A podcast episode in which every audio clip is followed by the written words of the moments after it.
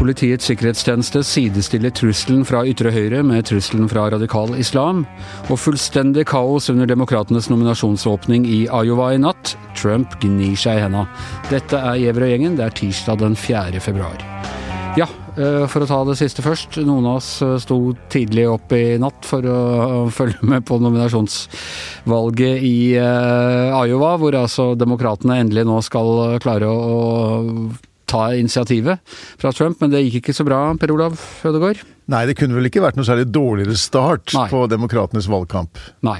Det, vi vet ennå ikke resultatet, rett og slett. Eh, vi satt jo her i går og, og spekulerte. Det er blitt lovet senere i dag, amerikansk tid, kanskje på kveldstid i dag. da. Ja. Eh, men eh, altså, for de som da sto opp og begynte å f.eks. følge CNN klokka halv sju om morgenen, så vil man tro at Pete Buttigieg, er det som vi sier det, mm. var vinneren. For han sto og holdt en sånn Obama-tale med 'Yes we can' og, mm. og, i det hele tatt, og sa at i natt har Iowa sjokkert verden ved å vise at bla, bla. Og Iowa har kanskje sjokkert verden, men ikke ved å vise vei, selv om alle kandidatene holdt taler som om de hadde vunnet. Nei, og det er jo ganske fantastisk det som skjedde. Og man må også tenke på her at dette er en sånn delstat hvor kandidatene, noen av dem har brukt jeg tror den som har vært det mest, har brukt 67 dager på å drive valgkamp der. Alle har vært mer enn 50, av de aktuelle kandidatene har vært der mer enn 50 eh, dager. Ehm, de har brukt veldig mye tid der. Det er tre millioner mennesker som bor der. De har, jeg tror de har hatt muligheten til å møte alle kandidatene mer enn én gang. De har, jeg tror de har håndhilst på samtlige borgere som bor der. Eh, og, og Iowa er en veldig spesiell amerikansk delstat også, sånn som den er sammensatt eh, befolkningsmessig. og gamle hvite menn. Landbruksstat også, for ja. det aller meste. ikke sant? Så at det der argumentet med at Aiva skal være først og man skal også legge, de har brukt milliard, millioner milliarder antagelig, kroner på de der, eller ja, helt sikkert milliarder på, på, de valgkampene på disse få velgerne, relativt få velgerne, som altså plukker ut liksom 41 stemmer ja. på Demokratenes landsmøte, hvor det er 4000 nesten. Ja. Så det er eh, Og at de skal være først ut og få så stor betydning, det tror jeg har fått et slag nå. Enten så må de gjøre om valgordningen der, eller så er det andre delstater som må starte. Og særlig surt er dette for kandidater som Pete Buttigieg, som eh, egentlig er litt sånn eh, dark horse eh, eller eh, outsider-kandidat, men som gjorde ganske bra på meningsmålingene i denne staten. Som til tross for sin konservatisme også har valgt eh, litt nye annerledes kandidater, som f.eks. da Barack Obama eh, for tolv år siden.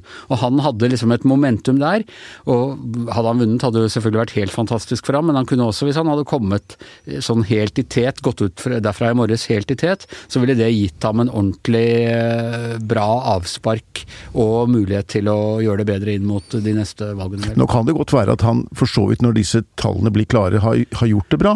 Altså, men han mister det momentumet det ville gitt, for nå er alle opptatt av New Hampshire. Ja, det er sant. Men hvis det er riktig som Altså, de legger ut en del, og vi skal ikke snakke for mye om det, for at det er, snart er fasiten der. Ja. Men hvis det de, legger, det, de deler de topptellingene som de selv har gjort, i de forskjellige kampanjene har gjort, så kan det tyde på at han har gjort det bra, og at Sanders har gjort det bra, og at Warren kanskje har gjort det ganske bra, men at Biden har gjort det veldig dårlig. Det er i hvert fall det som Bidens folk sier ingenting, og det er Nei. også et tegn på at de Nei, kanskje Biden ikke Biden sa ikke noe om akkurat det, han, han heller. Hva tror du, Hanne Skartveit? Eh, jeg håper jo i hvert fall på Elizabeth Warren, hun er liksom min eh, kandidat til dette. Men det er klart at det er kjempenegativt for alle kandidatene at det har blitt så kaotisk. Fordi altså, Den som gnir seg i hendene er jo selvfølgelig Trump, og, og han eh, Pascal, han øh, som leder den øh, gjenvalgskampanjen hans, var jo ute og sa vil du la disse folka altså, ta hånd om liksom, helsesystemet og økonomien din og sånn, og det er jo den fortjener de nesten etter en sånn, eh, etter en sånn katastrofenatt. Absolutt, det er jo amatørskap på høyt nivå. At ikke de får til det er de har gjort det, det er jo Iowa begynner hvert år. De bør kjenne rutinene, de bør på en måte vite hvordan ting skal gjøres. Hva som har gått gærent, vet ikke jeg, men det er jo oppsiktsvekkende. Jeg la merke til at de har samme unnskyldning som da Jonas Gahr Støre da han ble tatt i trikkekontroll her forleden, at appen virka ikke. Og én ting er at appen ikke virker på trikken, det kan skje noen av hver av oss, men at den ikke virker under et helt sånn valg som er eh, lagt opp til det, det er for dårlig. Men det mest interessante med det synes jeg er hvis det er sånn at Joe Biden kommer dårlig ut, for han har vært sett som favoritt hele veien. Så det tenker jeg er, kan være en game changer for han òg. Og så er det også, det, Dette er jo fòr for alle mulige konspirasjonsteorier og sånne ting. Dette, har dette skjedd fordi Biden kom dårlig ut? Jeg ser de er i gang allerede med å spekulere, og det underminerer jo tilliten til systemet, gjør det ikke det, Per Olav? Jo, det gjør det. Og eh, det er i det hele tatt så er jo den veldig spesielle ordningen som de har i Iowa, og noen ganske få andre delstater med å ha den type partimøter, de er jo ikke veldig representative heller. Du er avhengig av velgere som da gidder å bry, bry seg om å møte deg klokken syv om kvelden, høre på sine naboer snakke, og, og, og, og derfor bruke mange timer på dette her, og, klynge seg i forskjellige grupper utover kvelden. Det er sånne prosesser som omtrent som de brukte for å finne ut, at nybyggerne brukte for å finne ut om en av nabokommunene kodene var heks eller ikke, liksom. Det var helt sånn du gjør det rett ut av Du gjør det vanskelig å delta, og vi snakker om at det er tre millioner som bor i den delstaten, men det er jo egentlig en, og en veldig liten, relativt liten del av de som faktisk deltar i disse, på disse partimøtene også. Så det blir, det blir langt større deltakelse når du har primærvalg. Ja. Eh, det var jeg som måtte da opp og dekke ingenting i morges. Eh, du skal opp i natt for å høre på State of the Union-tale Eh, som Donald Trump skal holde. Hvilke forhåpninger og forventninger har du til den? Ja, For de som er søvnløse i natt, så kan de jo se klokken tre eh, at eh, Trump da går på talerstolen. Eh, og It's gonna be the greatest speech ever. Helt sikkert, og det tror jeg blir hans på en måte innledning til valgkampen. Dette her kommer til å bli en valgkamptale. Dette kommer til å inneholde alle argumentene for hvorfor han bør gjenvelges i november. Eh, så det kommer til å bli en tale som eh, har mye positivitet. Eh, at dette er liksom At han symboliserer Amerikas comeback, og at eh, nå har han gjort Amerika stort igjen, og nå må han bare få sjansen til å gjøre det enda bedre fire nye år. Men det er vel ikke sånn at de søvnløse får mer ro i sjela, hvis de ser på den talen? det, er, eh, det er i hvert fall, Han er jo sikkert mer beroligende nå enn han var under innsettelsestalen, da han snakket om The American Carnage og, og, alt dette her. Nå er det jo mer, nå er jo uh, The American Comeback, så det ble spekulert i, ja, eller liksom var uh, buzzordet for hva han skulle snakke om. Og budskapet er vel det. Nå har vi gjort denne kjempesnuoperasjonen. Uh, Amerika er back on track back. Uh, don't, ikke rugg båten nå. Stø kurs uh, i det hele tatt. Så skal vi være like, fortsette å være like bra som det er nå. Så jo, er det jo opp til velgerne da om de syns at dette er ja, Jeg tror det kommer til å handle mye om økonomi. Uh, nå, den store snuoperasjonen skjedde jo egentlig under Barack Obama, da han overtok et land i en, den store finanskrisen um, i 2009. Men, men, men, og, og USA var godt i gjenge før um, Trump kom til makten. Men, Men økonomien fullt, har vokst, og like det har blitt flere Ja, han har mye å vise til der. Og økonomi er jo alltid viktig for hvordan folk skal stemme. Og eh, de gjenvelger stort sett sine presidenter, og de gjør det nesten alltid når økonomien er god. Så det taler jo for Trump. Han kommer til å bruke mye tid til å snakke om, om økonomi, tror jeg. Og så kommer han også helt sikkert til å snakke en del om det som han sier er amerikanske verdier. Og det er da en, um, å appellere til um, konservative kristne velgergrupper, som er veldig viktig for ham. Og da kommer han til å snakke Eh, mye om ting som er viktig for dem. Eh, eh, nå inkludert denne siste såkalte fredsplanen for Midtøsten, tenker jeg. Og, og, og også nevne en del utenrikspolitiske saker. Men så, så, det tror jeg, Og så kommer han helt sikkert til å snakke om at han har bygget, eller langt på vei bygget denne muren mot Mexico. da. Som han selv at de ikke har bygget så mye av. Nei, også Mexico skulle betale for, men det har de amerikanske skattebetalere gjort. Ja. Nei, jeg håper dere er rett i at det blir en sånn type tale, men vi var jo helt uforberedta på innsettelsestalen hans også. Vi så jo for at han skulle komme med en samlende tale som skulle samle Amerika. Ja, nå er vi ferdige. Og så ble det bare en helt forferdelig dyster, dystopisk, eh, mørk tale som bare er eh, ja, det var så du satt sjokkert og trodde nesten ikke det du hørte den gangen. Min favorittepisode fra hele den innsettelsen er det ekspresident Bush skal ha sagt til ekspresident Obama idet de går av podiet. Så skal, øh, skal man ha hørt at Bush snur seg til Obama og sier 'That was some weird shit'. Og det syns jeg egentlig var den beste analysen av, av den tiden. Vi må jo si at det er ganske spesielt at en amerikansk president som da er under riksrett Det er jo ikke formelt avgjort ennå, den riksrettssaken. Det blir vel antakeligvis avgjort i morgen.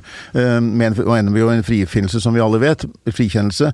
Men uansett, han er under riksrett. Det har bare én president tidligere vært, og det var Clinton, Bill Clinton da i 1999. Ja. ja. Så, og Bill Clinton holdt en tale da. Gikk og talte, han nevnte ikke et ord om riksrett, og det tror jeg kanskje ikke Trump kommer til å gjøre heller. Godt at han snakker om the very phony witch hunt og, og sånne ting, men til forskjell fra Clinton så skal Trump gjenvelges. Clinton var jo da ferdig, eller hadde bare halvannet år igjen. Så, så det er en ganske stor forskjell. Ok, vi skal hjem igjen. Egentlig Dagbladet som hadde lekkasjen i går, men, men det er da bekreftet på Politiets sikkerhetstjenestes pressekonferanse i dag at man nå vurderer den politiske terrortrusselen fra ytre høyre som like stor som den fra radikal islam. Hvor oppsiktsvekkende er det, syns du, Hanne?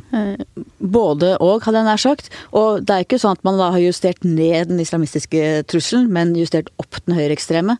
Og vi har jo sett at det har vært flere høyreekstreme angrep. Eh, og vi vet at det som har vært angrep i Norge, har jo vært høyreekstreme. Det er urovekkende. Jeg kjenner det i magen. Særlig altså, de har vel ikke egentlig, om de ikke har eh, ned, så er det i hvert fall de mener at det er mindre aktivitet på den fronten. Kan også ha med mange års eh, aktivt politiarbeid å gjøre. Og så har IS da blitt tvunget fra makten i, i kalifatet, så de er ikke den samme inspiratoren som det de var. Samtidig som du jo sier at det er mulig med terrorangrep fra begge sider i løpet av året. Ja, like store, omtrent omtrent like store Ja, Og det er mulig, er det ikke det de sier? Hva? Og de sier at det er mulig? Ja, jeg tror ordet de bruker er sannsynlig. Nettopp sannsynlig at det skjer, og det er en oppgradering fra Og det er en uh, oppgradering fra, fra, tidligere. Men disse, det er jo alltid veldig vanskelig, de der terror... Altså, hvordan skal du forholde deg til det? At det er sannsynlig? Skal du liksom gå rundt og kikke deg rundt når du går på gata? Jeg, jeg føler at akkurat det, den type sånn trusselvurdering er kanskje ikke så veldig konstruktiv. Men det er klart, etter at vi nå har sett uh, serien 22.07. fra NRK og på en måte fått gjenoppfrisket veldig det som skjedde den gangen, så blir det på en måte, rykker det enda nærmere når det kommer en slik trusselvurdering fra PST. Og det er jo faktisk en ganske lang historie for høyreekstrem terror eh, i Norge. Eh, går tilbake til 70-tallet. Vi hadde eh, bomben mot 1. mai-toget i 1979, Hadelandsdrapene. Det var en terrorbombe på gamle Østbanen på, midt på 80-tallet. Det var en bombe mot en moské. Det har vært Benjamin Hermansen-drapet. Det har eh, med ujevne mellomrom vært høyreekstrem terror i Norge. Eh, og du kan si at 22.07 var en slags Eh, kulminasjon, altså ekstremt mye mer omfattende, men samtidig da altså bare fra én person som ikke tilhørte noen organisasjon, og som hadde, var selvradikalisert, egentlig den minst organiserte av alle disse høyreterroristene. Ja, samtidig som du òg hørte en veldig klok dame si nylig at det, det fins ikke lenger ensomme ulver. At også de som tilsynelatende ser ut som ensomme ulver, har hatt et nettverk gjennom internett, og det hadde jo også Anders Behring Breivik. Han vegeterte jo på en ideologi og på andre sine tanker der ute. Han var inspirert, men han var ikke i kontakt med, så vidt man har kunnet bringe på det rene, andre folk som planla voldelige aksjoner. Ja, han var ikke Nei. oppfordret til voldelig aksjon fra noe sted. Nei, men han hentet sin inspirasjon og på en måte lese og fikk sitt tankesett fra et sted der ute. Det gjorde han helt klart, og fra vi snakket jo om Fjordmann her i, i, eh, i går. Eh, og det er også Jeg var på den pressekonferansen i dag, og der, snakker de også om, og det gikk på trusler mot politikere og offentlige personer. Eh, hvor PST også ganske spesielt går ut og sier at enhver må nå begynne å ta ansvaret for det debattklimaet Eh, man skaper. Eh, for hvordan man eh, Hvordan Altså, legge, vi skal ikke legge oss opp i ytringsfriheten eller noe sånt, men det er en del helt ekstreme uh, uttalelser. Og at vi alle har et ansvar for å også uh, gå de i møte. Vi så Høyesterett uh, her forrige uke opprettholdt da dommen mot to personer som ja, kalt personer for kakerlakker, og, og, og, som da er blitt dømt for det. at det det er en grense for ytringsfriheten som rett og slett går ved kriminelle ytringer. Og skal huske at uh, de store folkemordene i historien, alle de har jo startet med ord. Det er ingen som begynner rett med volden, men det begynner med ord, og så vokser det seg. Enten vi snakker om Rwanda, eh, Balkan i sin tid, nazistene mot jødene. Det begynner med retorikk. Er... Men hvordan har vi kommet dit? Er det Er det nettet? Er det kommentarfelt, sosiale medier, blogger? Er det altså den muligheten som man før, før kunne Hvit valgallianse lage sånn stensiler som de gikk og delte ut i, i, postkassene, og hvis noen gikk etter og nappa ut stensilene fra postkassene, hadde man liksom kuttet kommunikasjonslinjen deres, mens nå er, kan enhver publisere sånt. Ja, og, man, og enhver finner meningsfeller. Det er også den store forskjellen at da måtte, som du sier, du måtte liksom kjenne noen og vite om den postkassa og ha direkte kontakt, mens nå kan du jo et, noe tastetrykk unna finne likesinnede og bygge fellesskap langt unna der du faktisk er sjøl. Og det tror jeg er veldig, veldig endring. Det er vel også en annen side ved den eh, trusselrapporten, og det er dette her med statlige aktører og den trussel de utgjør mot Norge. Eh, og der er det vel the usual suspects, er det ikke det? Anders? Ja, det er eh, de nevnte ved navn, da. Kina, Russland og Iran var liksom de tre Nettopp. i B-gjengen. Ja. Og det som jeg tenker på i den forbindelse, er jo også at eh, det man er spesielt oppmerksom på, er jo på en måte den en ting er den tradisjonelle form for spionasje som vi kjenner. Å rekruttere agenter og ha etterretningsagenter i det landet, i Norge, da. Eh, men også dette med digital eh, spionasje, da. Og, og hacking og påvirkning. Altså Det er jo det som vi ser som en, et, et, stadig større problem, tror jeg, i vestlige demokratier, inkludert i Norge. At du har autoritære nasjoner som da ser seg interessert i å gå inn i datanettverk. Eh, dette kan handle om infrastruktur eh, og, og eventuelt sabotasje. Eh, og, og, og, trenge inn i det som er helt vital infrastruktur i samfunnet. Og, det, på, og, til og med påvirke valg, som vi jo har sett eksempler på. Det var jo den første store frykten i natt, mm. da alt gikk til helvete i Iowa. Det var sånn Er det russerne? Ikke sant? Eller er det en annen fremmed makt som nå er inne og manipulerer? De var veldig de var veldig tidlig ute og sa at det ikke var det. At det var eh, ja. demokratisk inkompetanse. Men bare det at det er de første de sier, at det var ikke ja. utenlandsk eh, innblanding, er et eksempel på det jeg mener. Dit er det kommet. så Det er klart at det er, eh, altså, det er ikke tvil om at Russland prøvde å påvirke. Det er, det er, usikkert hvor mye de klarte å gjøre det, men de, de ønsket å påvirke valget i USA i 2016. De ville ha Donald Trump valgt. Donald Trump ble valgt, og har han har uh, han tatt de rette forhåndsreglene i dette valget? Uh, det kan man jo selvfølgelig spørre seg.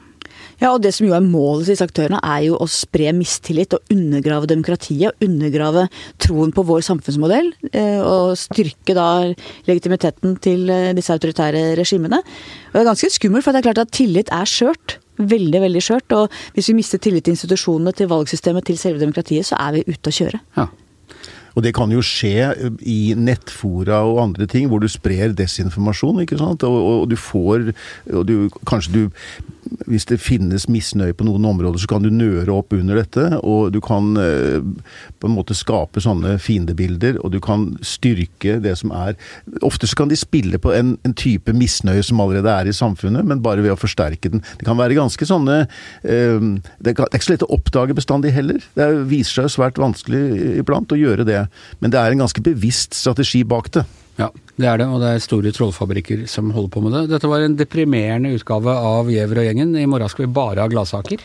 Eh, jeg, jeg sa jo at Trump skulle være optimistisk i natt. ja, hvis Trump er veldig optimistisk i natt, så blir, blir det en gladsak i seg selv. Men uh, og gjengen er over eh, for i dag. Eh, I studio Per Olav Ødegaard, Hanne Skartvedt, Anders Gjever og vår sikkerhetssjef bak spakene, Magne Antonsen.